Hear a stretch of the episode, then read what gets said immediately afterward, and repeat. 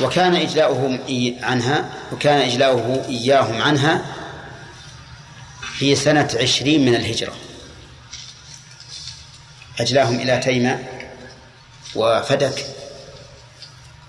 في سنة عشرين من الهجرة. كم بقوا فيها بعد الفتح؟ ها؟ أربعة عشر أربعة عشرة سنة. كذا؟ نعم. وكان ها؟ ليش؟ فتح خيبر؟ لا. قبل فتح مكة. سنة مكة ثمان سنة مكة فتح مكة. في سنة ست من الهجرة. أو سبع من الهجرة. وسبب إجلائهم. سبب إجلائهم أربعة أمور. منها ما ثبت في الصحيحين ومنها ما ثبت في غيرهما. فالذي ثبت في الصحيحين أنهم فدعوا عبد الله بن عمر رضي الله عنه. كان عندهم فألقوه من بيت من ظهر بيت ففدعوه. والفدع انسلاخ الكف من الذراع أو القدم من الكعب ويسمى عندنا في الفك يعني انفكت قدمه. يعني هذا الفدع فأجلاهم عمر. لأن ابن عمر رضي الله عنه نزل هناك في ليلة من الليالي فحصل منهم ذلك. فقال عمر رضي الله عنه ليس لنا عدو هنالك إلا اليهود. إلا اليهود. وإني سأجليهم لأنه رأى أن اعتداءهم على ابن الخليفة يعني اعتداءهم على الإسلام. لأن اعتداء على ابن الخليفة اعتداء على الخليفة. فيكون اعتداء على الإسلام. وتحديا للمسلمين. فرأى رضي الله عنه أن يجليهم. فجاءه زعيمهم. وقال كيف يا عمر تجلينا وقد أقرنا محمد؟ قال أتظن أني نسيت ما قال لك الرسول صلى الله عليه وسلم. كيف بك إذا خرجت بك قلوصك تخطو بك يوما فيوما يعني من من خيبر. قال يا عمر قالها محمد محمد هزيلة. يعني يضحك عليه هزل ما يجد قال كذبت يا عدو الله. طلعه. طلعه رضي الله عنه. هذا سبب ثابت في البخاري وغيره. السبب الثاني أنه لما ثبت عند عمر أنه لا يجتمع دينان في جزيرة العرب. واليهود في خيبر يقيمون دينهم. قال ما يمكن. دام الرسول صلى الله عليه وسلم قال لا يجتمع دينان في جزيرة العرب سأجليهم فأجلاهم. أجلاهم عمر لهذا السبب. السبب الثالث أن رجلا من الأنصار قدم من الشام إلى المدينة فنزل في خيبر ومعه علوج يعني عبيد من الشام. فاتصل اليهود بهؤلاء العلوج وقالوا لهم اقتلوا صاحبكم. تحرروا منه. فقتلوه. قتلوا صاحب هؤلاء العلوج قتلوا صاحبهم. فصار في هذا غدر من من اليهود. فكان من أسباب إجلائهم. كم سببا هذا؟ هذه ثلاثة أسباب. السبب الرابع أن المسلمين كثروا وتفرغوا للعمل في خيبر. ورسول الله صلى الله عليه وسلم إنما أقرهم على العمل في خيبر لأنهم كانوا في ذلك الوقت كان المسلمون قلة وهم في حاجة إلى عمل أهم. فلما كثر المسلمون واستغنوا عن عن عمل اليهود في خيبر أجلاهم عمر. ورسول الله صلى الله عليه وسلم لم يعطهم عقدا مؤبدا. بل قال نقركم على في ذلك على ما شئنا حسب ما تقتضيه المصلحة. لكن هذه الأسباب ليست في الصحيحين. فقد تكون صحيحة وقد تكون ضعيفة. لكنها لها وجه. لها وجه. إلا أن سبب كون إلا أن كون سبب ذلك قول الرسول صلى الله عليه وسلم لا يجتمع دينان في في جزيرة العرب فيه إشكال لأن هذا الدين كان موجودا في عهد النبي صلى الله عليه وسلم. فكيف يقرهم وهذا الدين باق؟ وقد يجاب عنه بأن الرسول عليه الصلاة والسلام في ذلك الوقت كان محتاجا إليه. كان محتاجا إليهم. ولهذا لم يأمر بإخراج اليهود والنصارى من جزيرة العرب إلا في آخر حياته. لم يأمر بذلك إلا في آخر حياته. حتى قال عليه الصلاة والسلام لئن بقيت إلى أظن قال إلى قابل لأخرجن اليهود والنصارى من جزيرة العرب. فيكون الرسول صلى الله عليه وسلم في الأول يعني متساهلا في هذا. ثم بعد ذلك لما رأى من خطرهم على الجزيرة أمر بإخراجهم. أمر بإخراجهم حتى قال في مرض موته عليه الصلاة والسلام قال أخرجوا المشركين من جزيرة العرب وهو عام شامل. للمشركين الذين يعبدون الأصنام وكذلك لكل من كان كافرا بالله العظيم. على كل حال نحن نقول إن صحت هذه الأسباب الأربعة فهي أسباب وإن لم تصح فيكفي السبب الأول الثابت في الصحيح وهو أنهم فدعوا عبد الله بن عمر رضي الله عنهما. فكان في ذلك إذلال للمسلمين عموما فأجلاهم عمر. شيخ التمر بدل الثمر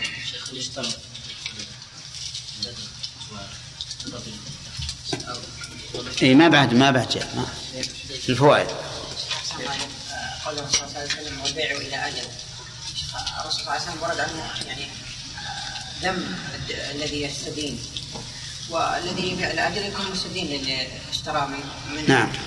كيف يعني هو الدين الذي ليس له وفاء هذا يذم فاعله. حتى لو كان لكن إي نعم لكن الدين اللي ما فيه وفاء اللي فيه الوفاء كالسلم كان الناس يتباعون بالسلام على عهد الرسول صلى الله عليه وسلم. طيب عندي التمر. إي نعم ما وصلنا نعم. شيخ سلام الله إليك إذا اشترط المضارب ألا ألا يحمل ماله في بحر ثم هذا المضارب رأى أن السفن الآن جيدة وقوية وتتحمل فحمله في بحر فغرقت السفينة فهل يضمن بناء على اشتراط المضارب؟ إي نعم نعم.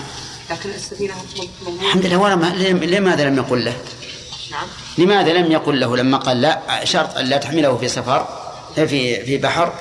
لماذا لم يقل؟ الآن ما في خطر. يمكن رأى أنه شديد الخوف على المال. لا ولو كان. لو كان. حتى لو قال مثلا لا لا لا تتجر بهذا النوع من من المال يلزم أن لا يتجر به. قول النبي صلى الله عليه وسلم لليهود نقدركم على ذلك ما شئنا. يؤخذ منه أن النبي صلى الله عليه وسلم أو هل معنى النبي صلى الله عليه وسلم يعني يحق له أو يجوز له أن يأخذ من اليهود المزارعة قبل الحصاد؟ هذا من الفوائد يا عليان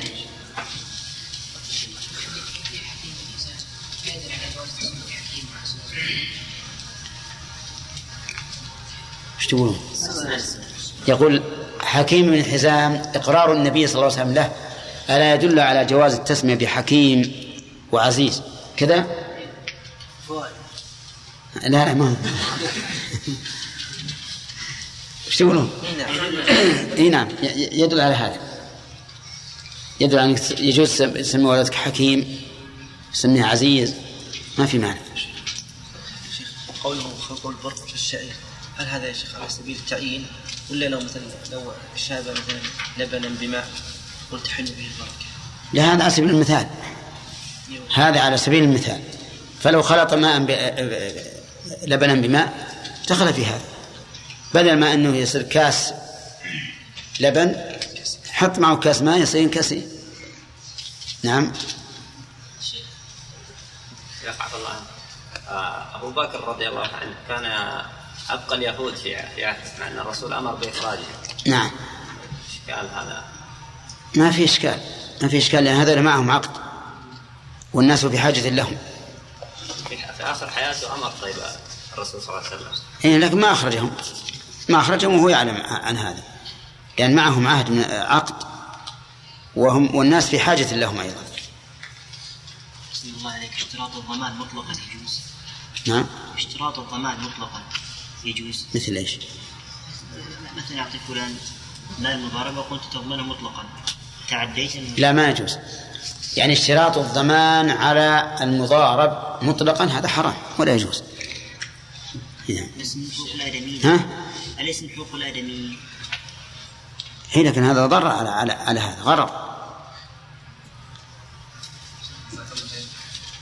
ولمسلم أن رسول الله صلى الله عليه وسلم دفع إلى يهود خيبر نخل خيبر وأرضها على أن يعتملوها من أموالهم ولهم شطر ثمرها. وعن حنظلة بن قيس رضي الله عنه قال سألت رافع بن خديج عن كراء الأرض بالذهب والفضة فقال لا بأس به إنما كان الناس يؤاجرون على يؤاجرون على عهد رسول الله صلى الله عليه وسلم على المادينات على المادينات الماذيانات. الماذيانات.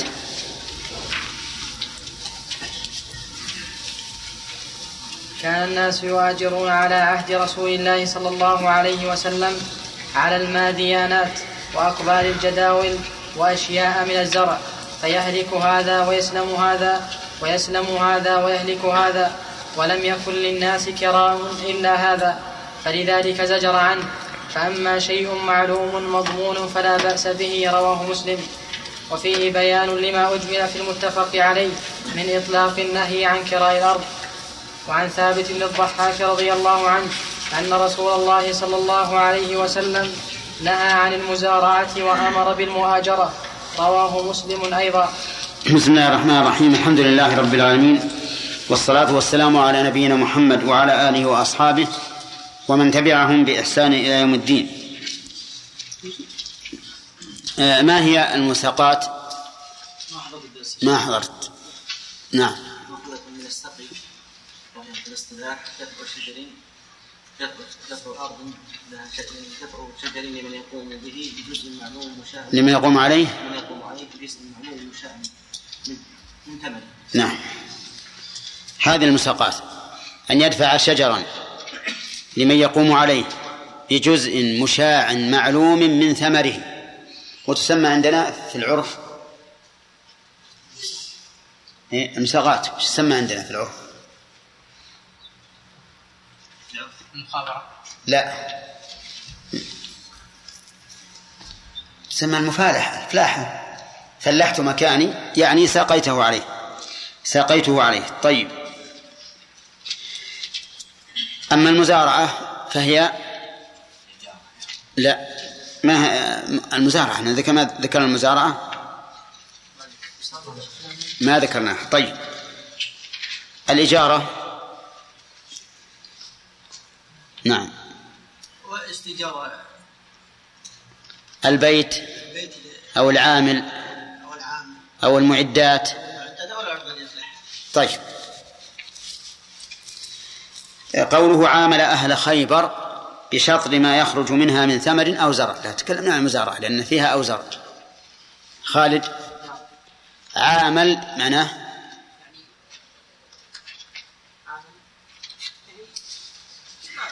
ها؟ وضح لنا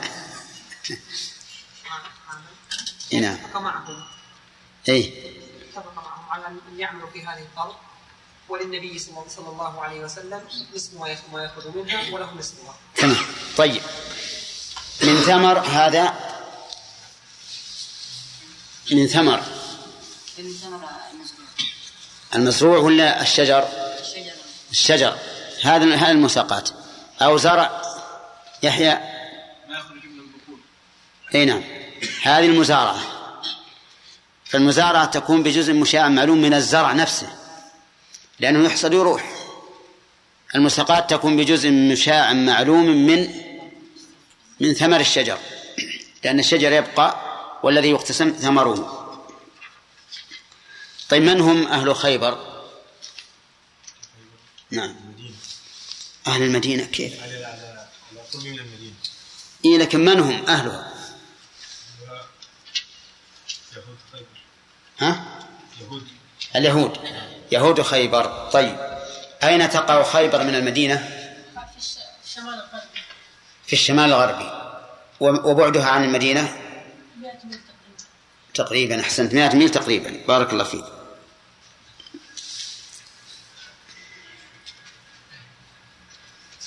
يقول في الرواية الثانية نقركم على ذلك ما شئنا.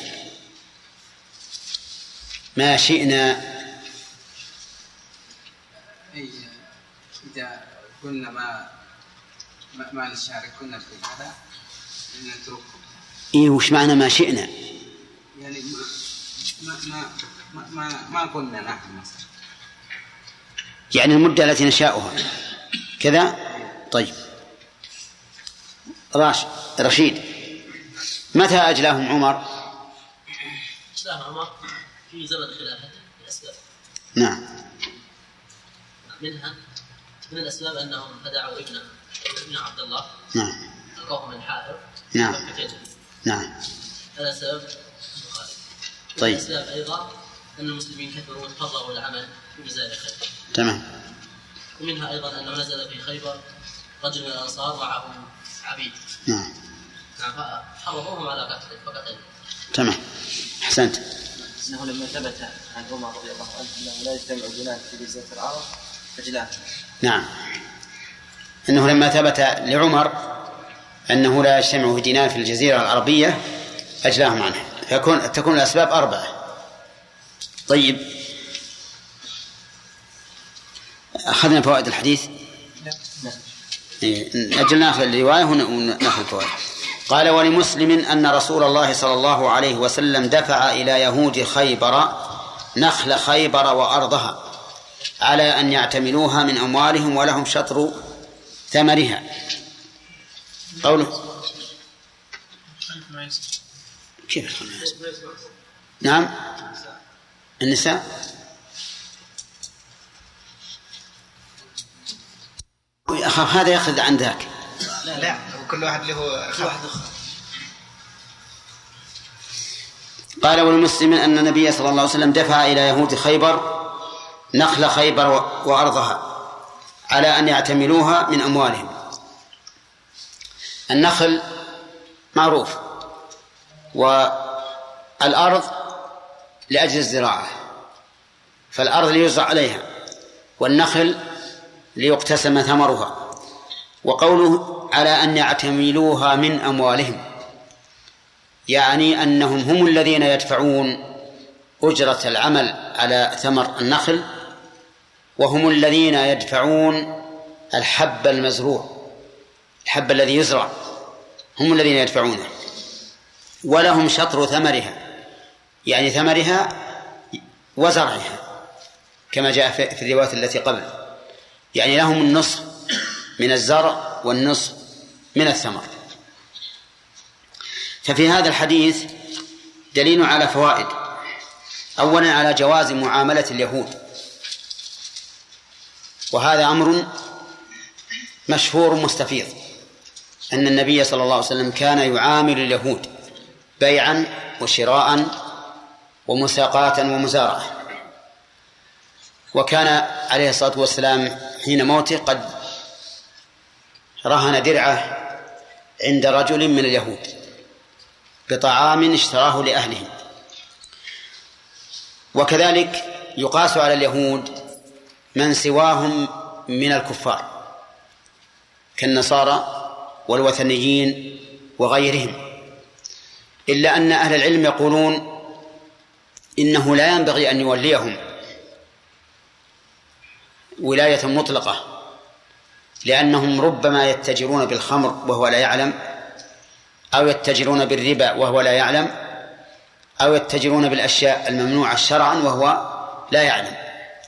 فأما الشيء الذي يؤتمنون فيه أو الذي يكون هو رقيبا عليهم فإن هذا لا بأس به. وفيه دليل على جواز ائتمان الكافر. على جواز ائتمان الكافر ما لم تتبين خيانته. ووجه ذلك ها أن هؤلاء مؤتمنون اليهود مؤتمنون على الثمر وبإمكانهم أن يجدوا شيئا من الثمر أو يأخذوا شيئا من الزرع والنبي صلى الله عليه وسلم لم يعلم. فإذا كان الكافر مؤتمنا فلا بأس من ائتمانه. أما إذا كان غير مؤتمن ولا فإنه لا يؤمن لا سيما فيما يتعلق بأمور المسلمين العامة. كمثل هذه المسألة هذه المسألة ومثل كتابة الدواوين وغيرها. المهم أنه متى اؤتمن فإنه تجوز معاملته. هل يؤخذ من هذا الحديث الأخذ بقول الكافر إذا كان أمينا؟ نعم. قد نقول إنه يؤخذ وقد نقول إنه لا يؤخذ. لكن هناك أدلة تدل على جواز الأخذ بقول الكافر إذا كان أمينا. مثل استرشاد النبي صلى الله عليه وسلم بعبد الله بن أريقط الديلي الذي استأجره النبي صلى الله عليه وسلم ليدله على الطريق في سفره إلى المدينة في الهجرة. فإن هذا كان مشركا ولكنه كان أمينا. فاستأمنه النبي عليه الصلاة والسلام حتى على راحلته وراحلة أبي بكر أعطاه الراحلتين وقال له موعدك بعد ثلاث ليال غار ثور فذهب الرجل بالراحلتين وأتى بعد ثلاث ليال إلى الغار مع أن المقام خطير جدا وهو أن قريشا كانت تطلب الرسول عليه الصلاة والسلام. تطلبه وقد جعلت لمن يدله عليه لمن يدلها عليه وعلى أبي بكر ها؟ مئتي بعير مئتي بعير. وكانت فرصة لهذا المشرك أن يدل قريشا على النبي صلى الله عليه وسلم. لكنه لما ائتمنه النبي عليه الصلاة والسلام أدى الأمانة. فإذا نقول إن دل هذا الحديث على جواز على قبول قولهم والأخذ بقولهم فذاك وإن لم يدل فهناك أدلة أخرى تدل على أنه يجوز الأخذ بقول الكافر. ولهذا ذهب بعض أهل العلم إلى جواز فطر المريض إذا قال له الطبيب الكافر إن الصوم يضرك. وكذلك جواز الصلاة قاعدا إذا قال له الطبيب إنه يضرك القيام. وكذلك الإيماء بالركوع والسجود إذا قال له الطبيب إنه يضرك السجود كالذي يعالج في عينيه مثلا. المهم أنه متى وجدت الثقة فإنه لا بأس بالأخذ بقول الكافر. ومن فوائد هذا الحديث جواز المساقات. جواز المساقات لقوله عامل أهل خيبر ولنا في رسول الله صلى الله عليه وسلم أسوة. ومن فوائده أيضا من فوائد هذا الحديث أنه إذا شرط سهم لأحد المتعاملين فالباقي للآخر. فمثلا إذا قيل إذا إذا قيل في عقد المساقات لرب الثمر لرب الشجر الثلث. وسكت عن سهم العامل فإن هذا صحيح. لأنه إذا تعين سهم أحدهما كان للثاني الباقي. أي لا يشترط أن أقول في المساقات لرب الثمر الثلث وللعامل الثلثان. لا يشترط. لأنك متى عينت سهما لأحدهما كان الباقي للآخر. ومن فوائد هذا الحديث جواز المشاركة. إذا إذا تساوى الشريكان في المغنم والمغرم. كذا؟ جواز المشاركة. إذا نعم جواز المشاركة. إذا تساوى الشريكان في المغنم والمغرم. نعم نعم لقول بشرط ما يخرج منها مع أن العامل ربما يعمل ويتعب في ماله وبدنه ثم تفسد الثمرة. تفسد. فيكون رابحا أو أو غير رابح؟ غير رابح. لكن كما أنه غير رابح فكذلك صاحب النخل أو صاحب الشجر هو أيضا غير رابح لأنه كان يؤمل أن ثم أن شجره يثمر ولم يثمر. فإذا فإذا تساوى الشريكان في المغنم والمغرم فإن الشركة جائزة. المحذور أن يختلف الشريكان فيكون أحدهما غانما بكل حال والآخر تحت الخطر. ومن فوائد هذا الحديث أنه لا يشترط أن يكون الغراس في المغارسة والبذر في المزارعة من رب الأرض.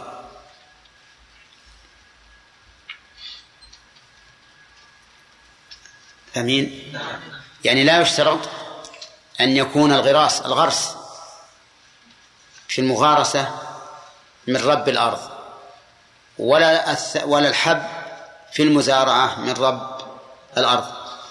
مثال ذلك أعطيت شخصا أرضا بيضاء ليغرسها وله نصف ما وله نصف الشجر. هذه مغارسة غير مسقات وله نصف الشجر. هذا يجوز. حتى لو كان هو الذي يشتري الشجر. كذلك أعطيته هذه الأرض البيضاء ليزرعها بنصف الزرع. والحب على المزارع. هذا أيضا لا بأس به. هذا ما دل عليه حديث من؟ حديث ابن عمر في قصة المساقات والمزارعة لأهل خيبر. من أين يؤخذ؟ يؤخذ من وجهين. انتبهوا تعرفوا ما أخذ الأحكام. أولا في اللفظ المتفق عليه بشطر ما يخرج منها من ثمر أو زرع. ولم يذكر أن البذر على النبي صلى الله عليه وسلم لأن النبي صلى الله عليه وسلم هو صاحب الأرض. ثانيا أنه في صحيح مسلم في الرواية التي رواه مسلم قال على أن يعتملوها من أموالهم من أموالهم. وهذا صريح في أن المال على من؟ على المزارع. في أن المال على المزارع. وهذا القول الذي دل عليه الحديث هو القول الراجح. وهو الذي عليه العمل من عهد الرسول صلى الله عليه وسلم إلى إلى يومنا هذا. على أنه لا يشترط في المزارعة وكذلك في المغارسة أن يكون البذر والغراس من رب الأرض. وذهب بعض العلماء إلى اشتراط أن يكون البذر من رب الأرض. والغراس من رب الأرض. وعلى هذا فلو أعطيت أعطيت رجلا أرضا بيضاء ليزرعها بالنصف من الزرع وجب علي أنا أن إيش؟ أن يكون البذر مني أعطيه البذر. وكذلك الغراس في المغارسة. لماذا؟ قالوا قياسا على المضاربة. قياسا على المضاربة المضاربة من أين يكون المال؟ ها؟ من صاحب المال المضارب وليس على المضارب إلا العمل إلا العمل قالوا فقياس ذلك في المزارعة أن يكون البذر من من من؟ من رب الأرض ولكن هذا القياس قياس فاسد فاسد الاعتبار. لماذا؟ لأنه مصادم للنص. والقياس المصادم للنص فاسد الاعتبار لا عبرة به. ثم هو قياس مع الفارق. قياس مع الفارق. لأن نظير المال في المضاربة الأرض. نظير المال في المضاربة الأرض وقد دفعها. أما مسألة الزرع فهو من جنس ما يلزم في المضاربة من سقي الحيوان لو اشترى المضارب حيوانا فإنه سوف يسقيه وسوف يروضه وما أشبه ذلك. فالبذر يكون تابعا لعمل المزارع والمغارس. أما نظير المال فهو الأرض المدفوعة. وبهذا تبين أن هذا القياس فاسد أولا لمصادمته للنص وكل قياس في مصادمة النص فإنه مرفوض وثانيا أنه قياس مع الفارق وذلك لأن المال الذي قالوا إنه يدفعه المضارب نظيره إيش؟ الأرض التي يدفعها من تعامل مع شخص في الزراعة. ومن ومن فوائد هذا الحديث جواز كون المساقات غير معلومة الأجل. يعني جواز الأجل المجهول في المزارعة والمساقات. لقوله نقركم ما شئنا. نقركم ما شئنا. ومعلوم أن مشيئته مجهولة ولا معلومة؟ مجهولة. ما ندري. فعليه يجوز عقد المساقات والمزارعة إلى أجل مجهول. لقوله نقركم ما شئنا. وهذا أحد الوج... أحد الأقوال في تخريج هذا الحديث. القول الثاني أن هذا الحديث يدل على أن المساقات والمزارعة من العقود الجائزة من العقود الجائزة. وبناء على ذلك لا يشترط لها ذكر الأجل ولكل واحد منهما أي من المساق والمساقة أن يفسخ متى شاء الوجه الثالث في تخريج الحديث أنه من باب الخيار لأحد المتعاقدين لأنه لو كان ذلك من العقود الجائزة ما احتاج أن يقول نقركم ما شئنا ليش؟ لأن العقد الجائز نفسه للمع... للمتعاقدين فيه المشيئة. متى شاء فسخه. فه... فإذا الاستدلال بهذا الحديث على أن المساقات والمزارعة من العقود الجائزة غير صحيح. إذ لو كانت كانتا من العقود الجائزة لم يحتج إلى ذكر المشيئة. فإن العقد الجائز لكل منهما من المتعاقدين فسخه ولم لم يشترط المشيئة. فأقرب ما يقال في ذلك هو أن هذا من باب الخيار من باب الخيار وأنه إذا اشترطا أو أحدهما الخيار فلا بأس. وبناء على هذا نقول إن المساقات والمزارعة من العقود اللازمة من العقود اللازمة ولا بد من تقدير الأجل فيها. سنة أو سنتين أو ثلاثة أو أكثر. لا بد من هذا. ولكل من المتعاقدين إيش؟ شرط الخيار. إما لهما جميعا وإما لأحدهما. والحديث هذا من باب إيش؟ من باب اشتراط الخيار لأحدهما. لقوله ما شئنا. ولم يقل وما شئت. واستدل به بعض العلماء على جواز الإجارة المجهولة. على جواز الإجارة المجهولة. وأنه يجوز أن تقول للشخص أستأجر منك هذا البيت حتى أجد ملك بيتا أشتريه. حتى أجد بيتا أشتريه. وإلى هذا ذهب ابن القيم في زاد المعاد. وأنه يجوز الأجرة المجهولة المعلقة الأجرة المجهولة المعلقة بشرط مجهول. قال لأن هذا ليس فيه شيء. فمثل هذا الرجل يدور بيتا بيتا فجاء إلى شخص وقال أنا أدور بيتا وأريد أن تؤجرني بيتك حتى أجد بيتا. فأجره كل سنة بمئة ريال.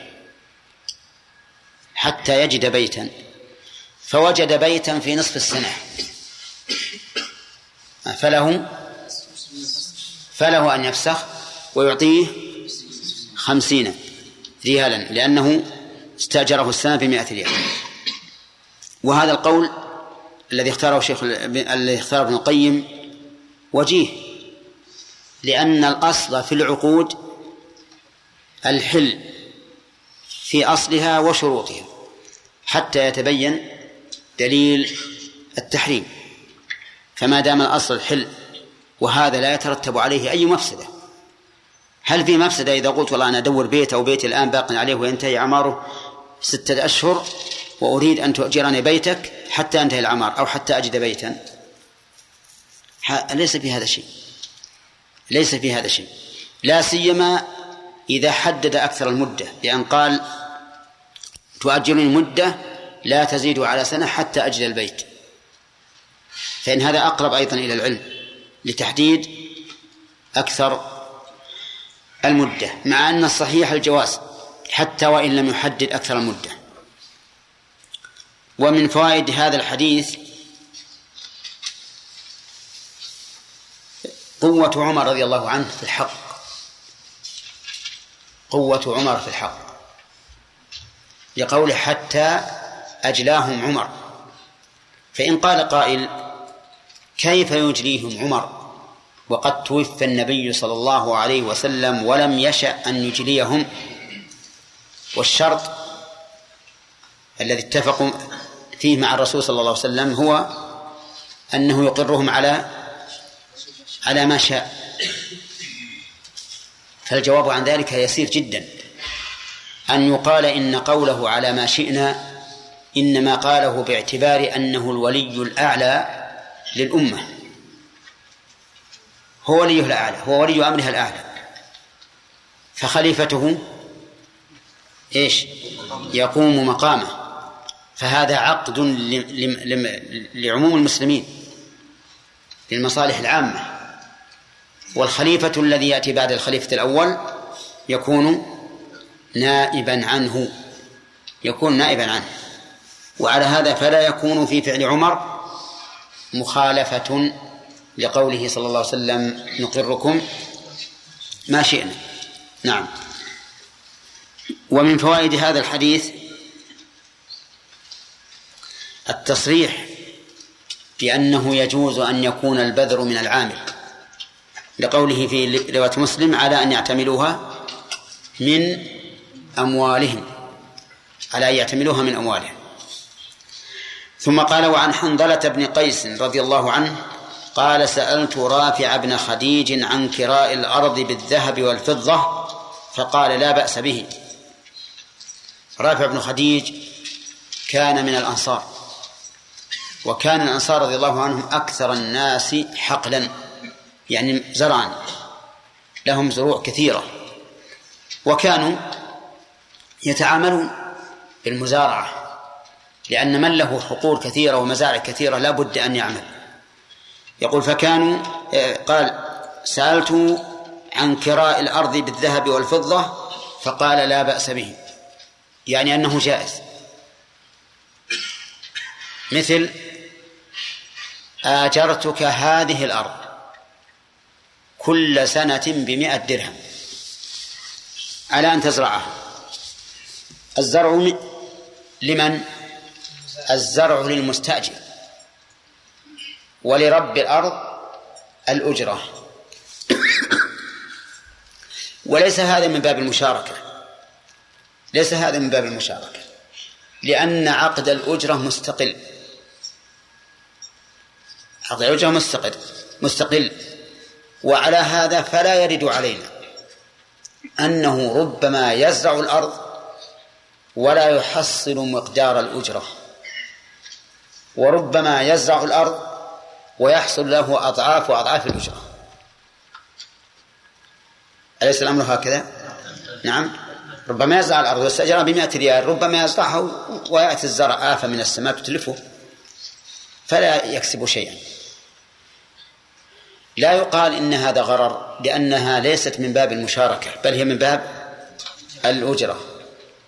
وأنا أجرتك هذه الأرض كل سنة بمئة درهم زرعتها أو ما زرعتها ما علي منك أنا لي أجرة معينة عقد مستقل سواء سواء خسرت أو ربحت. ولهذا أجاب ابن رافع قال لا بأس به. أي أنه جائز. والبأس هنا بمعنى الحرج. يعني ليس فيه حرج ولا ضيق بل هو جائز. إنما كان الناس يؤاجرون على عهد رسول الله صلى الله عليه وسلم على المادينات إلى آخره.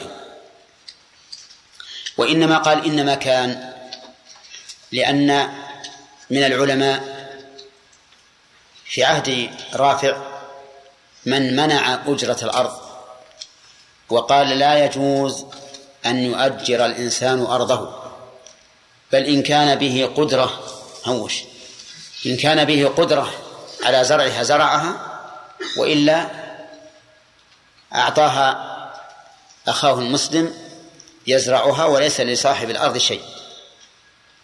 ولا يجوز أن يأخذ عليها أجرة. ولا يجوز أن يأخذ عليها أجرة. كما سيأتي في في حديث ثابت بن الضحاك. لا في حديث لم يذكره المؤلف.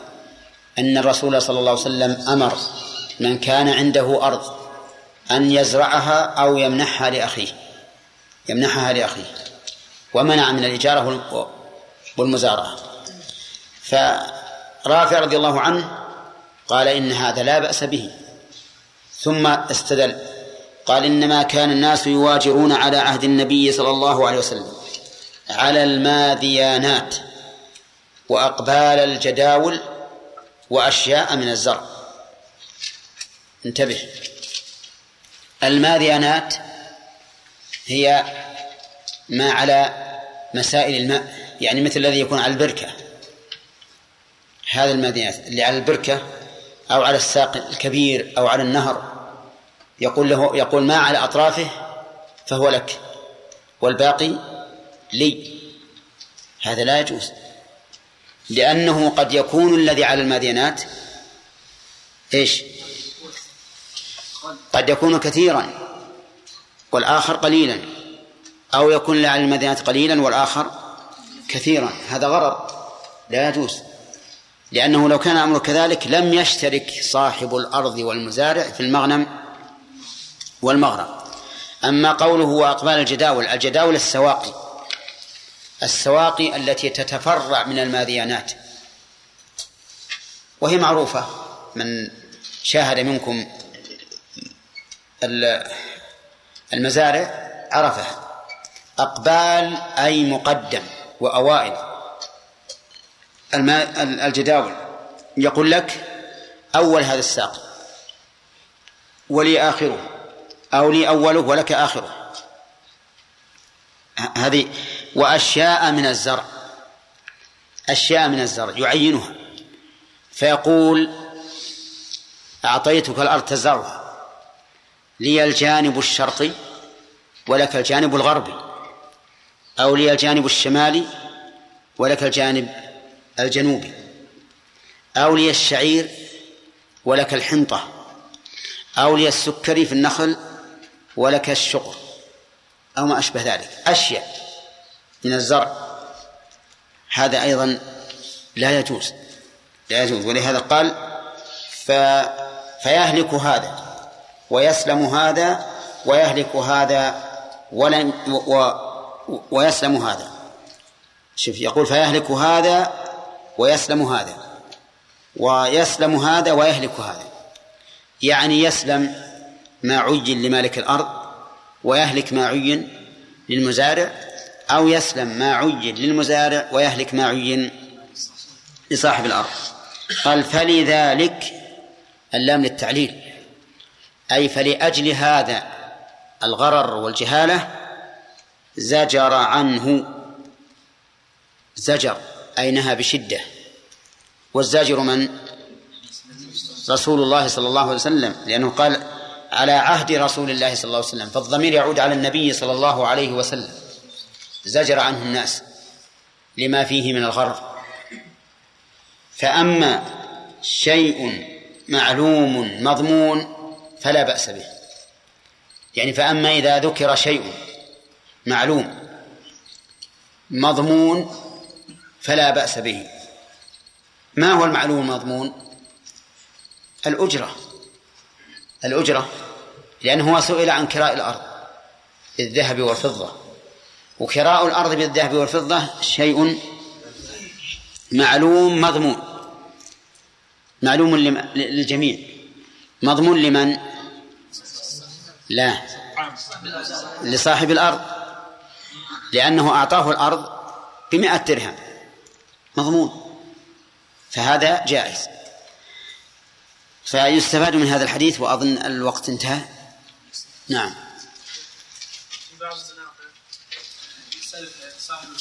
صاحب الإمارة كم تسكن؟ تقول له 10 أيام أو 20 يأخذ أجرة جميع الأيام. سواء سكنت أو نعم. فيجوز هذا الشيء. إيه هذا يجوز. هذا هو الأصل. هذا هو الأصل. لكن طرأ على إذا طرأ عليه طاري فهذا تبقى الأجرة كاملة لصاحب البيت أو الفندق تبقى كاملة. وله أن يقول يقوم عن بدل فلان وفلان ويسكن واحد آخر في بقية المدة. لكن أخذ أجرة الأيام المستأخرة. أي نعم.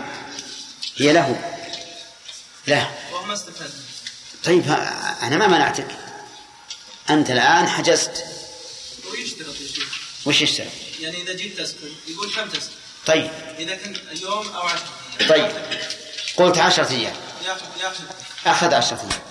ولم أسكن إلا خمسة. يكون له أجرة العشرة كلها. لأنك أنت الذي تركت المكان.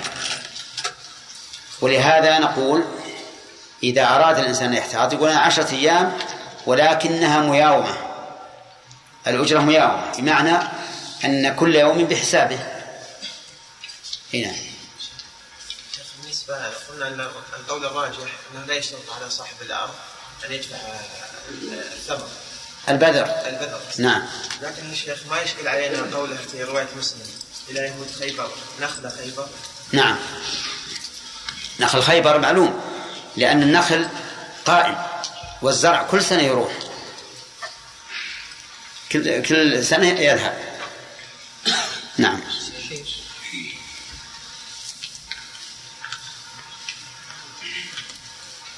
يلا عبد الله. بالنسبة يا شيخ الكفار الآن قلنا جواز يعني معاملة الكافر. نعم. جواز معاملة الكافر. إيش؟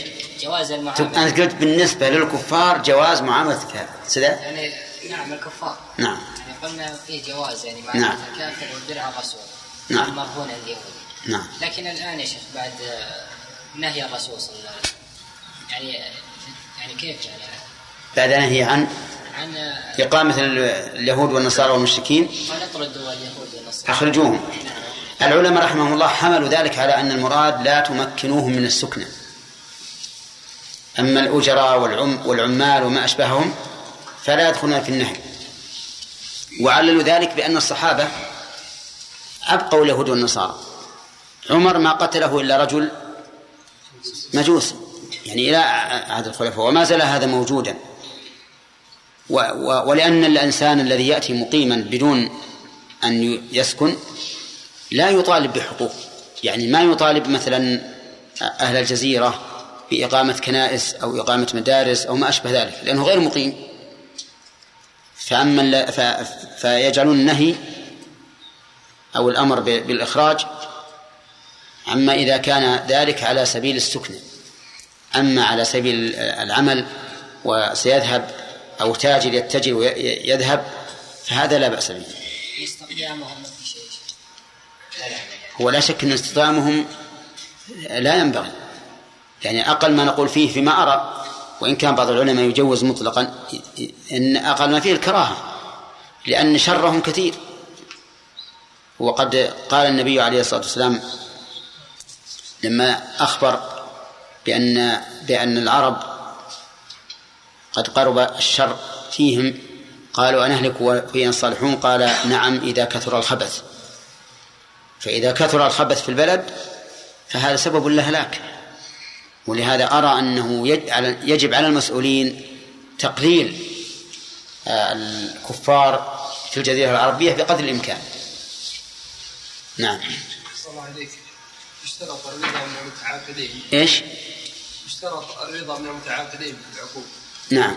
في معاملة الرسول صلى الله عليه وسلم مع خيبر. يعني الظاهر إنهم ما يرضون لكن يخافون لو رفضوا اجلاهم الرسول صلى الله عليه وسلم. اي نعم. وقرر الرسول صلى الله عليه وسلم يكون في إكراه ما في رضا الرضا تام. لا هم راضون لأن لهم مصلحة. فقراهم في مكانهم يعملون ويستثمرون. أحب إليهم من أن يذهبوا إلى مكان آخر ليس فيه ما, ما يستفيدون منه. ما هو على كل حال قد يخرجهم وقد لا يخرجهم. أنا ما نعلم. اي نعم. طيب شيخ إذا اشترك العامل صاحب الأرض في البذر والغراس والتكلفات هذه جمع المبيدات ذلك؟ كيف؟ إذا اشترك يعني في النفقات يعني العامل وصاحب الأرض. أي. النفقات ما عاد ما, ما عاد إلى نماء الزرع أو الثمر فهو على العامل. وما عاد إلى أصل المكان فهو على صاحب الأرض. بس شيخ يعني في بعض في بعض الظروف يعني تحتاج إلى كثيره العامل يعني كلها أنفق من عندك الحمد لله إذا كان يحتاج إلى عمل كثير يشترط يشترط لنفسه سهما كبيرا. بدل ما ياخذها بالنصف يقول بالثلثين لي ولكن ما يمكن أن يشتركون فيها. نعم. لا يشتركون في فيما يعود إلى أصل. مثلا لو غار الماء لو غار الماء فنفقة إخراجه على الجميع. لكن مسألة السقي توزيع الماء وهو ما يسمى عندنا بالرياسة هذا على العامل. نعم. شيخ أحسن الله إليك. اختلاف اللفظ التمر أو الثمر ترتب عليه شيء؟ معلومة الثمر أعم من التمر. التمر ثمر النخل والثمر أعم. يشمل العنب ويشمل البرتقال وغيره من من الثمار ما يترتب عليه شيء في الحكم. نعم. لا ما يختلف. نعم. أي نعم. جزاكم الله خير. لو كان العامل يستأجر الأرض هل له أن يؤجرها لشخص آخر بثمن يعني باجاره أكثر من غير أن يستاذن صاحب الأرض؟ أي نعم له أن يؤجره بشرط أن لا يكون عمل الثاني أضر على الأرض من عمل الأرض من عمل الأول. لأن الزروع تختلف. بعض الزروع إذا زرع في الأرض أفسد الأرض. وبعض الزروع أخف. فإذا آجرها شخص شخص آخر لا يكون ضرره أكثر من ضرر المستأجر الأول فلا بأس. نعم. أبدا. المسؤول للمؤجر الأول هو المستأجر الأول. المسؤول أمام المؤجر الأول هو المستأجر الأول. نعم. بعض السائقين يتفقوا مع صاحب السيارة يقول يعني تشتغل أنت في اليوم يحدد لهم يعني فلوس مثلا يعني يكون 1000 ريال. في اليوم 1000 ريال. أي في اليوم لازم يكون تجي والباقي خل... اللي كان كان يجلس هنا اسمه؟ ها؟ الرحيم. قال المؤلف رحمه الله تعالى وعن حنظلة بن قيس رضي الله عنه أظن أن وصلنا إلى قوله فأما شيء معلوم مضمون فلا بأس به رواه مسلم. أخذنا باقي الفوائد. نعم. اي نعم قرأنا هذا. أظن أشرحنا. نعم. وفيه بيان لما أجمل في المتفق عليه من إطلاق النهي عن كراء الأرض. يعني أنه ثبت في الصحيحين أن النبي صلى الله عليه وسلم نهى عن كراء الأرض. فحمل هذا على أن المراد بذلك الكراء الذي يؤدي إلى إلى الجهالة. أما الكراء المعلوم فإنه لا بأس به لأن الأصل في المعاملات الحل. إلا ما دل الشرع على تحريمه.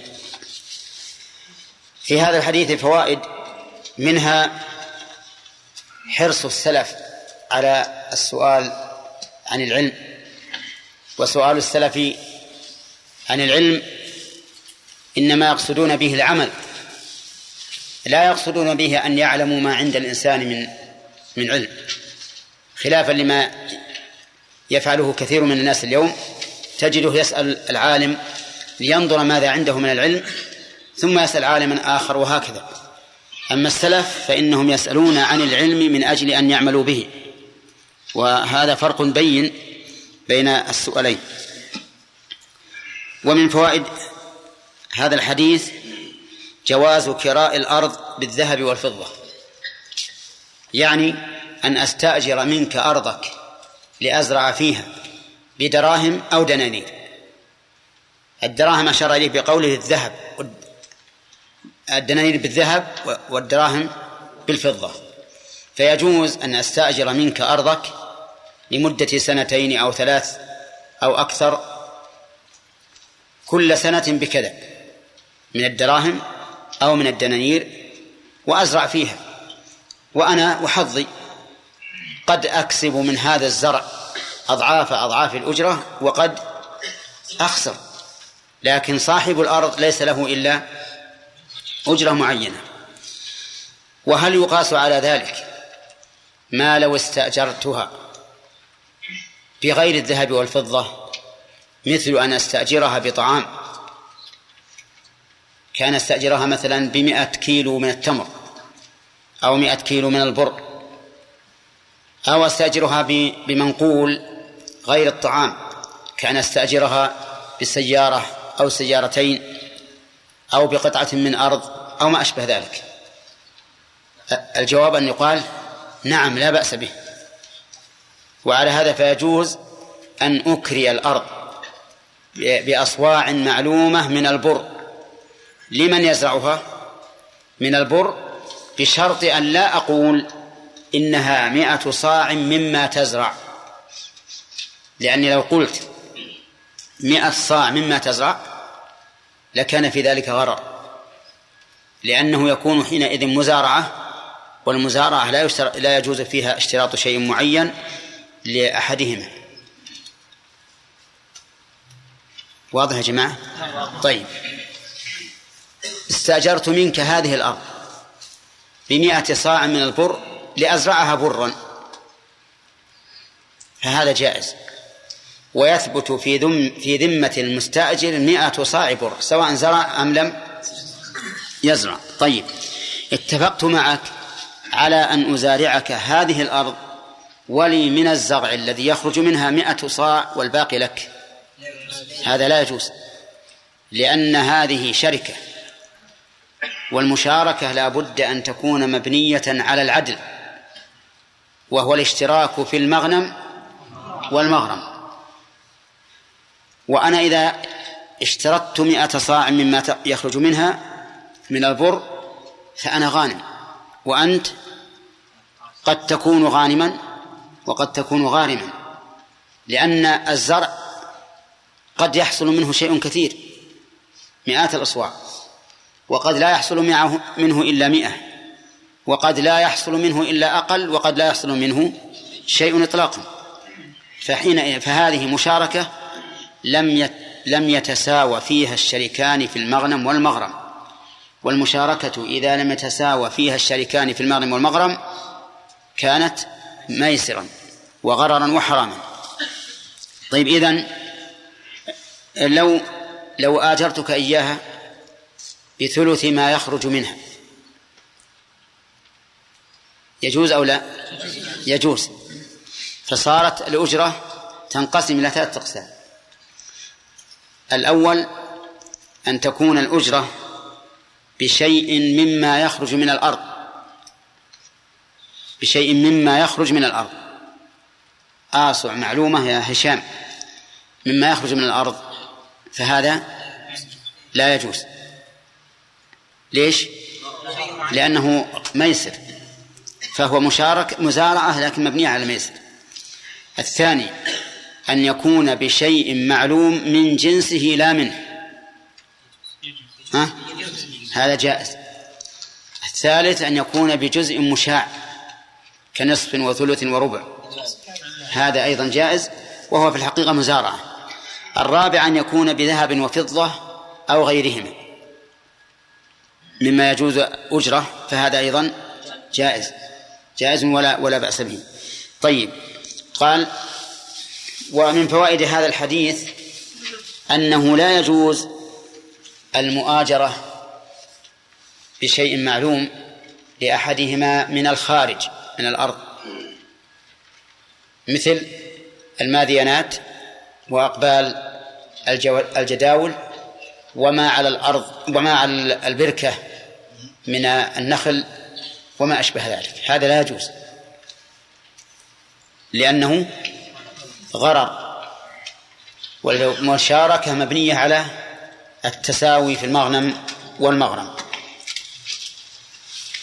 ومن ومن فوائد هذا الحديث كمال الشريعة الإسلامية وذلك بتحريم المعاملات المتضمنة للغرر لما في هذه المعاملات من إلقاء العداوة والبغضاء. لأنها إذا كانت غير مبنية على العدل فإن من يتصور نفسه مظلوما أو مغلوبا سوف يكون في قلبه شيء على الغالب. فتقع العداوة بين المسلمين.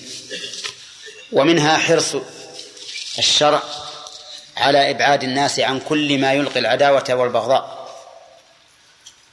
لأننا نعلم أن الحكمة في منع معاملات المغالبات هي ها اتقاء ما يحصل بها من العداوة والبغضاء. ودليل ذلك قوله تعالى يسألونك عن الخمر والميسر قل فيهما إثم كبير ومنافع للناس. وبين الله تعالى أن إثمهما أكبر من نفعهما. وقال يا أيها الذين آمنوا إنما الخمر والميسر والأنصاب والأزلام رجس من عمل الشيطان فاجتنبوه لعلكم تفلحون. إنما يريد الشيطان أن يوقع بينكم العداوة والبغضاء في الخمر والميسر. الخمر واضح أنه يلقي العداوة لأنه ربما يجترئ السكران على من عنده بالأذى والضرر وربما بالقتل. والميسر كذلك لأن المغلوب سوف يكون في قلبه شيء على الغالب. وربما يقول أنا أن وربما يقول إنك لم تغلبني ويحصل نزاع وعداوة. ومن فوائد هذا الحديث أنه ينبغي للمسؤول إذا سئل عن شيء أن يبين الجائز والممنوع إذا كان يحتاج إلى تفصيل. بل قد يجب عليه لأن رافع بن خديجة رضي الله عنه بين في هذا الحديث ما هو جائز وما هو ممنوع. ومن فوائد هذا الحديث أن الدين الإسلامي أصلح المعاملات الجارية بين الناس في الجاهلية كما أصلح العبادات. لأنهم في الجاهلية يعاشرون على هذا الوجه الذي فيه الجهل والغرام. فأصلحه الشر. والشرع بالنسبة للمعاملات السابقة ينقسم إلى قسمين بل إلى ثلاثة. من المعاملات ما أقره الشرع مثل المضاربة. فإن هذه فإن المضاربة كانت معروفة في الجاهلية فأقرها الشرع. ومنها ما منع الشرع ما كان محرما منه وأبقى ما كان جائزا. كالربا مثلا. فإن الرسول صلى الله عليه وسلم لما خطب الناس في عرفة قال ربا الجاهلية موضوع وأبقى رأس رأس المال. قال ربا الجاهلية موضوع وأول ربا أضع من ربانا ربا العباس بن عبد المطلب فإنه موضوع كله. فهنا أجاز النبي عليه الصلاة والسلام أصل رأس المال ومنع إيش؟ ومنع الزيادة القسم الثالث ما عد له. ما عد له. يعني معناه أنه كان يتعامل به الناس على وجه غير مرضي فعدله مثل هذا الحديث. فإن الناس كانوا يؤاجرون الأراضي في المزارعة لكن على وجه مجهول ممنوع فعدله النبي عليه الصلاة والسلام. ومن فوائد هذا الحديث ما أشار إليه المؤلف أنه يبين ما أجمل من النهي عن كراء الأرض. يبين ما أجمل من النهي عن كراء الأرض. وينبني على هذه الفائدة أن أن النصوص الشرعية يبين بعضها بعضا وهو كذلك. فالقرآن يبين بالسنة والسنة يبين بعضها ببعض والقرآن يبين بعضه ببعض أيضا. ثم قال المؤلف وعن أبي وعن ثابت بن الضحاك رضي الله عنه أن رسول الله صلى الله عليه وسلم نهى عن المزارعة وأمر بالمؤاجرة. رواه مسلم أيضا. يقول إن أن النبي صلى الله عليه وسلم نهى عن المزارعة والنهي طلب الكف على وجه الاستعلاء. هذا النهي. طلب الكف على وجه الاستعلاء. فإذا قال لك شخص لا تفعل فقد طلب منك الكف عن هذا الفعل على وجه الاستعلاء. ويزاد في التعريف بصيغة المضارع المقرون بلا الناهية. بصيغة المضارع المقرون بلا الناهية. وإنما زيد هذا القيد لئلا يدخل في التعريف مثل قوله اتركوا كذا اجتنبوا كذا. فإن هذا طلب الكف على وجه الاستعلاء لكنه ليس بصيغة المضارع المقرون بلا الناهية. فلا يسمى هذا نهيا وإنما يسمى أمرا أمرا بالترك أو أمرا بالاجتناب. طيب إذا صيغته لا تفعل.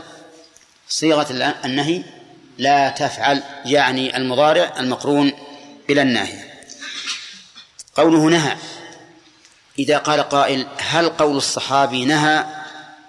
صريح في النهي أو هو غير صريح.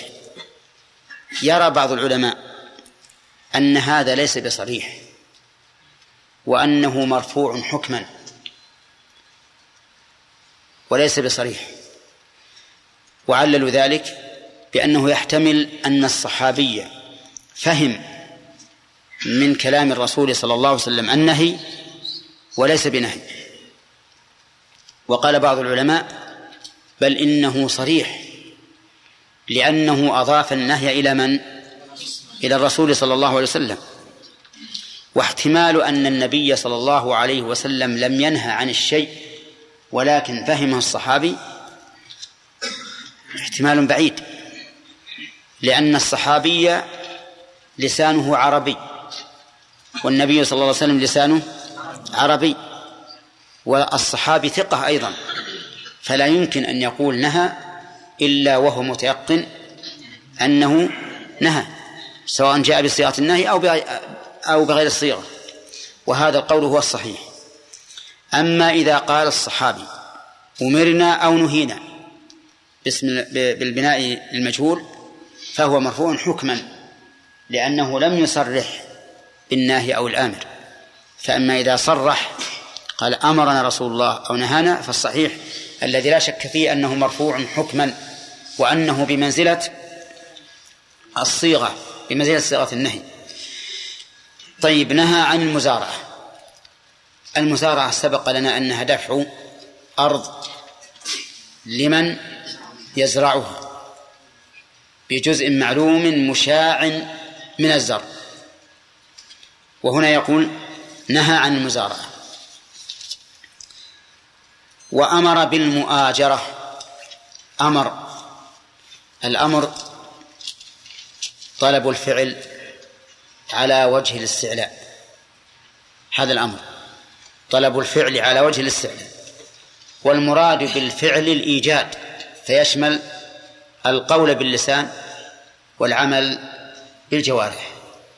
فإذا قلت لشخص قل لا إله إلا الله فقد أمرته وإذا قلت اركع واسجد فقد أمرته. إذن الأمر هو طلب الفعل على وجه الاستعلاء والمراد بالفعل هنا ليس ما يقابل القول بل المراد بالفعل إيش؟ الإيجاد فيشمل القول والعمل. قول في المؤاجرة يعني أن يؤجر الإنسان أرضه بالشيء معلوم كمئة درهم عشرة دنانير وما أشبه ذلك. طيب. وقوله أمر المراد بالأمر هنا الإباحة. بلا شك. لأنه قال لأنه في مقابلة نهى. فهو فهو أمر في مقابلة النهي فيكون رافعا للنهي. رافعا للنهي. ولذلك لا نقول للإنسان يستحب لك أن تؤجر أرضك أو يجب عليك أن تؤجر أرضك لأن النبي صلى الله عليه وسلم أمر بذلك. بل نقول لا يحرم عليك أن تؤجر الأرض لأن النبي صلى الله عليه وسلم نهى عن المزارعة. كذا. ونظير هذا قوله تبارك وتعالى أحلت لكم بهيمة العام إلا ما إيش؟ إلا ما يتلى عليكم. غير محل الصيد وأنتم حرم إلى أن قال وإذا حللتم فاصطادوا. فهذا الأمر للإباحة لوروده بعد النهي. كذلك إذا قيل نهى وأمر فالأمر هنا للإباحة بلا شك. طيب في هذا الحديث النهي عن المزارعة. وقلنا أن الأصل في النهي التحريم. واختلف العلماء رحمهم الله في الجمع بين هذا الحديث وبين حديث آه، رافع بن خديج. فإن حديث رافع بن خديج يدل على إيش؟ على جواز المزارعة. وهذا يدل على النهي عن المزارعة. فكيف نجمع؟ اختلف العلماء في هذا.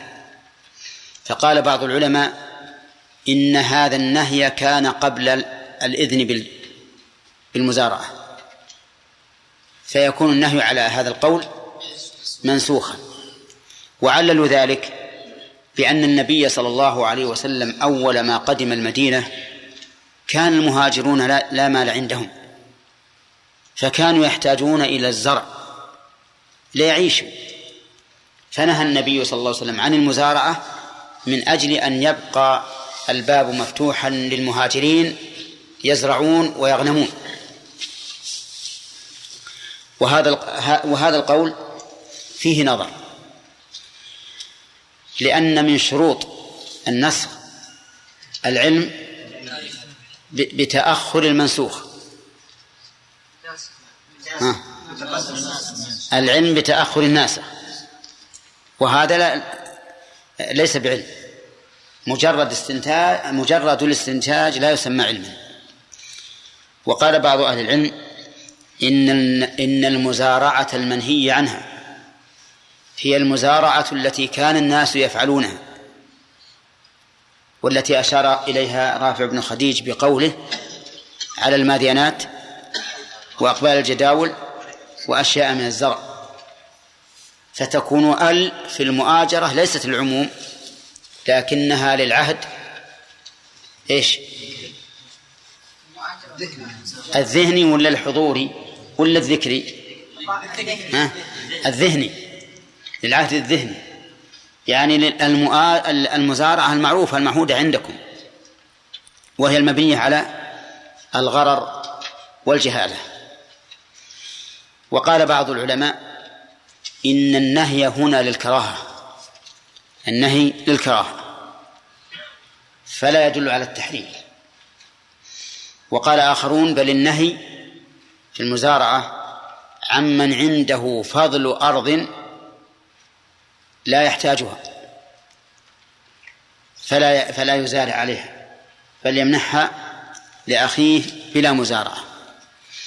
وأصح الأقوال في ذلك أن المزارعة يراد بها المزارعة المعهودة عندهم المبنية على الغرض وهي التي ذكرت في حديث رافع بن خديج بأن يقول لك أزارعك في أرض هذه لك الشرقي ولي الغربي أو لك الشعير ولي آه، البر مثلا أو لك الذي على مجاري الماء ولي الباقي.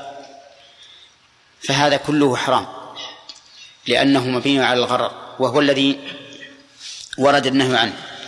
طيب وقوله أمر بالمؤاجرة فيه دليل على إباحة دفع الأرض بأجرة. تسلم لصاحب الأرض سواء زرعها المستاجر أم لم يزرعها وسواء كسب من ورائها مثل الأجرة أو أقل أم لم يكسب شيئا. انتهى الكلام عن المساقات. وهنا سؤال. وهي لو أعطيت الأرض شخصا وقلت إن زرعتها برا فلك النصف وإن زرعتها شعيرا فلك الثلث. فهل يجوز هذا أو لا؟ نعم. نعم الصحيح أنه يجوز وقد ثبت ذلك من فعل عمر رضي الله عنه. يدفع الأرض للزارع ويقول أنت بالخيار. لكن إن زرعت برا فلي النصف ولك الباقي وإن زرعت شعيرا فلي الثلثان ولك الباقي. لماذا زاد سهمه إذا كان شعيرا. لأن الشعير أرخص من من البر. ولهذا يبعد أن يقول إن زرعتها برا فلي النصف وإن زرعتها شعيرا فلي الثلث هذا بعيد. لكن ربما يأتي يوم من الأيام يكون الشعير أغلى من البر. على كل حال هذا لا بأس به. وهذا الأثر الوارد عن عمر رضي الله عنه بجواز هذا دليل على جواز قول القائل أبيعك هذا الشيء بعشرة نقدا أو بعشرين لمدة سنة. ثم يقبل المشتري أحد الثمن بأحد الثمنين فإن الصحيح أن ذلك جائز وأن هذا ليس من البيعتين في بيعه. ثم قال المؤلف وعن ابن عباس رضي الله عنهما قال احتجم احتجم رسول الله صلى الله عليه وسلم وأعطى الذي حجمه أجره ولو كان حراما لم يعطه. قوله احتجم أي طلب من من يحجمه. والحجامة عبارة عن إخراج الدم الفاسد في البدن وهي نافعة. قرنها النبي صلى الله عليه وسلم بالعسل والكي. وقال الشفاء في ثلاث وذكر منها شرطة محجم. ولها أطباء معروفون يعرفون من أين يحجمون في أي موضع ويعرفون هل الإنسان يحتاج إلى الحجامة أو لا يحتاج. وقد كان الناس يفعلونها كثيرا. وإذا اعتادها الإنسان فإنها فإنه لا بد أن يفعلها. إذا لم يفعلها كثر عليه الدم وربما يؤثر عليه. حتى أن الإمام أحمد رحمه الله قال لو هاج به الدم وهو صائم في رمضان فله أن يحتجم ويفطر. ثم أن الحجامة لها مواضع معينة في البدن ولها أزمنة معينة من الشهر. فلا تفعل في نصف الشهر ولا في أول الشهر ولا في آخر الشهر. يعني لا تفعل حين ضعف الهلال من أول الشهر أو آخره ولا حين امتلائه بالنور لأن فوران الدم في الأجسام له صلة بنور القمر بنور القمر. فهو يغار في أول الشهر وفي آخره وعند آخر وعند وسطه يزداد فورانه. والحجامة في هذا وفي هذا ليست جيدة لأنها في حال فوران الدم ربما يخرج دم كثير من الإنسان يضره. وفي حال انقباضه وغوره ربما تكون الحجامة مؤثرة لأن الدم يكون أنقص. وقد ذكر ابن القيم رحمه الله في زاد المعاد الأوقات التي ينبغي أن يحتجم فيها الإنسان. فمن أراد أن يطلع عليه فليفعل. يقول احتجم وأعطى الذي حجمه أجره. يعني لما حجمه الحاجم أعطاه الأجر. ولم يبينه لأنه لا فائدة لنا من بيانه. سواء كان دينارا أو درهما ما ليس لنا فائدة منه. قال رحمه قال رضي الله عنه ولو كان حراما لم يعطه. رواه البخاري. يعني لو كان أجر الحاجم حراما لم يعطه النبي صلى الله عليه وسلم إياه لأن النبي صلى الله عليه وسلم لا يمكن أن يفعل الحرام لأنه مشرع ولأنه عليه الصلاة والسلام أكمل أتقى الناس لله عز وجل وأخشاهم له فلا يفعل. ثم ذكر المؤلف رحمه الله الحديث الذي بعده نذكره عن رافع بن خديج رضي الله عنه قال قال رسول الله صلى الله عليه وسلم كسب الحجام خبيث. كسب الحجام خبيث. طيب كسب الحجام من البيع بالبر والرز والسكر والثياب؟ ها؟ لأنه يقول كسب الحجام. من حجامته؟ من أين نأخذ من حجامته؟ من أجل الوصف يعني كسب الحجام نعم من أجل حجامته أو بحجامته. كما لو قلت المتقي في الجنة من أجل من أجل تقواه. كسب الحجام خبيث يعني أجرة الحجام التي يكتسبها من حجامته خبيثة. خبيثة الخبيث يطلق على الحرام ويطلق على الردي ويطلق على المكروه الذي تكرهه النفوس وتعافه النفوس فمن إطلاقه على الحرام قوله تعالى يحل لهم الطيبات ويحرم عليهم الخبائث صح يا هشام؟ صح ها صح ويحل لهم الطيبات يحرم الخبائث. إذا يحرم المحرمات. فالخبيث هنا المحرم. ومن إطلاقه على الردي قوله تعالى ولا تيمموا الخبيث منه تنفقون. لا تيمموا الخبيث منه تنفقون. الخبيث يعني الردي. ومن إطلاقه على ما تعافه النفس, النفس وتكرهه قول النبي صلى الله عليه وسلم في البصل والثوم إنها شجرة خبيثة. يعني تكرهها النفوس وتعافها. نأتي إلى كسب الحجام. هل نقول إن المراد بقوله خبيث حرام؟ نعم. ممكن. ما دام الخبث يطلق على ثلاث معاني يمكن أن يراد به الحرام. طيب هل المراد بذلك أن النفس تعافه؟ ها؟ يمكن. هل المراد أنه ردي مخالف للمروءة؟ يمكن. كذا. إذن ما دام الاحتمال قائما بين هذا وهذا وهذا فإنه لا يمكن الاستدلال بالحديث على التحريم. ليش؟ لأنه مع قيام الاحتمال يبطل الاستدلال. إذ لا يتعين أن المراد بالخبيث الحرام.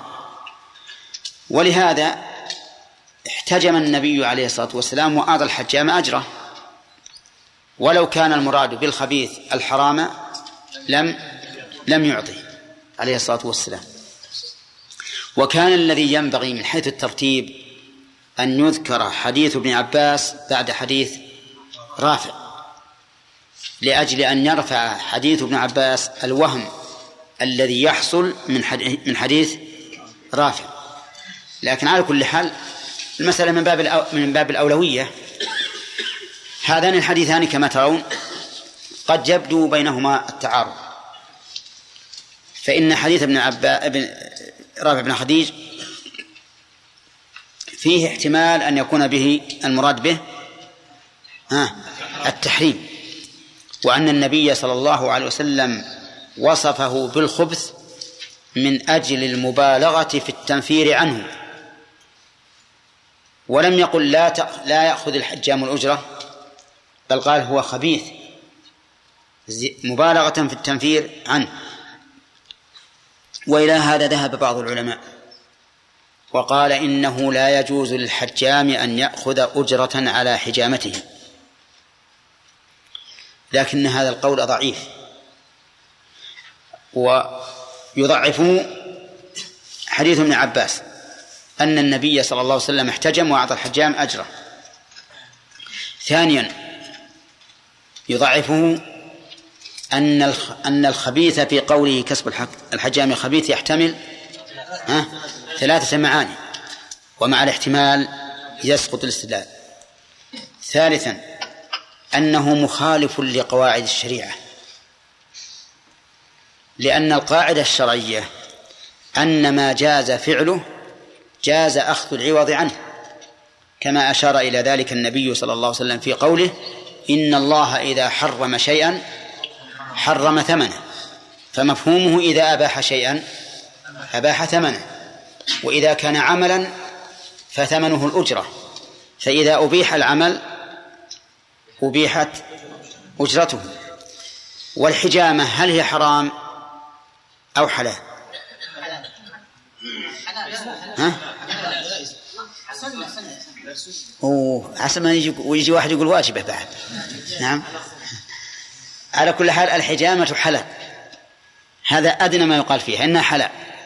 فإذا كانت حلالا فأخذ العوض عليها حلال. هذه القاعدة. وبهذا تبين أن الذين قالوا بتحريم كسب الحجام واستدلوا بالحديث تبين أن قولهم هذا ضعيف. لوجوه كم؟ لوجوه ثلاثة. أولا أن النبي صلى الله عليه وسلم أعطى الحجام أجره. ولو كان حراما لم يعطه. ثانيا أن كلمة خبيث فيها احتمال. احتمال لإيش؟ لثلاثة معاني. ومع الاحتمال يبطل الاستدلال لأنه مع الاحتمال لا يتعين ما استدل به له ثالثا إيه؟ أنه مخالف لقواعد الشريعة فإن قواعد الشريعة تقتضي أن عوض الحلال حلال وعوض الحرام حرام ومن المعلوم أن الحجامة حلال فيكون عوضها حلالا. ويدل لهذه القاعدة قوله صلى الله عليه وسلم إن الله إذا حرم شيئا حرم ثمنه. هل يمكن أن نستدل بمعنى آخر؟ وهو أننا لو قلنا بأن كسب الحجام حرام لأدى ذلك إلى عدم وجود الحجامين. ولا لا؟ فتتعطل مصلحة للمسلمين وهي الحاصلة بالحجامة. المصلحة الحاصلة بالحجامة تتعطل لأن لو قلنا الحجامين استأجر حانوتا وهات كراسي وهات آلات الحجامة واقتطع جزءا كبيرا من وقتك لتحجم الناس ثم إياك أن تأخذ منهم قرشا فإنه حرام. ماذا يقول؟ ها؟ يقول إذن لا أشتغل بلا بلا خسارة. يعني لا أخسر أجرة الحانوت وثمن آلات الحجامة وإضاعة وقتي. إذا كان تقولون هذا حرام فإذا أنا أبطل. فتتعطل يتعطل شيء للناس فيه مصلحة وهي الحجامة. طيب فوائد الحديث؟ إيش؟ على غير مسلم يأخذ الأجرة. كيف؟ يعني يؤتى بالحجام غير مسلم يأخذ الأجرة. يعني معناه إننا نجعل الحجام طيب. هذا رجل يقول أنا سأصنع الخمر وأبيعه على الكافر لأنه حلال له. يجوز؟ اذا ما يجوز. ما يجوز. نعم. هل في هذا دليل على أن الرسول صلى الله عليه وسلم قد يفعل المكروه؟ مكروه؟ نعم يعني قلنا الخبيث هنا بمعنى المكروه أو شيء من هذا. لا ما ما تكرهه النفوس تعافى ليس معناه المكروه شرعا. هنا الرسول نهى عن المزارعة قلنا المزارعة أنها الصيغة في قول العلماء ولما قال لها صريحة ولما قال لها في حكم باطل أليس هذا الخلاف مكروه؟ لأن المؤدى واحد ما فهمت كلامك. المذكور الصيغة اللي في حديث ثابت بن ضحاك نعم. أن الرسول نهى عن المزارعة طيب. هذا الصيغة قلنا فيه خلاف. ولما قال لها في حكم الرفع في كلمة نهى. اي نعم أليس هذا الخلاف لفظي فقط والمؤدى واحد؟ لا لا. ما هو المؤدى واحد؟ لأنه لو يأتي حديث صريح قدم عليه. لأن الصريح مقدم على الحكم. هنا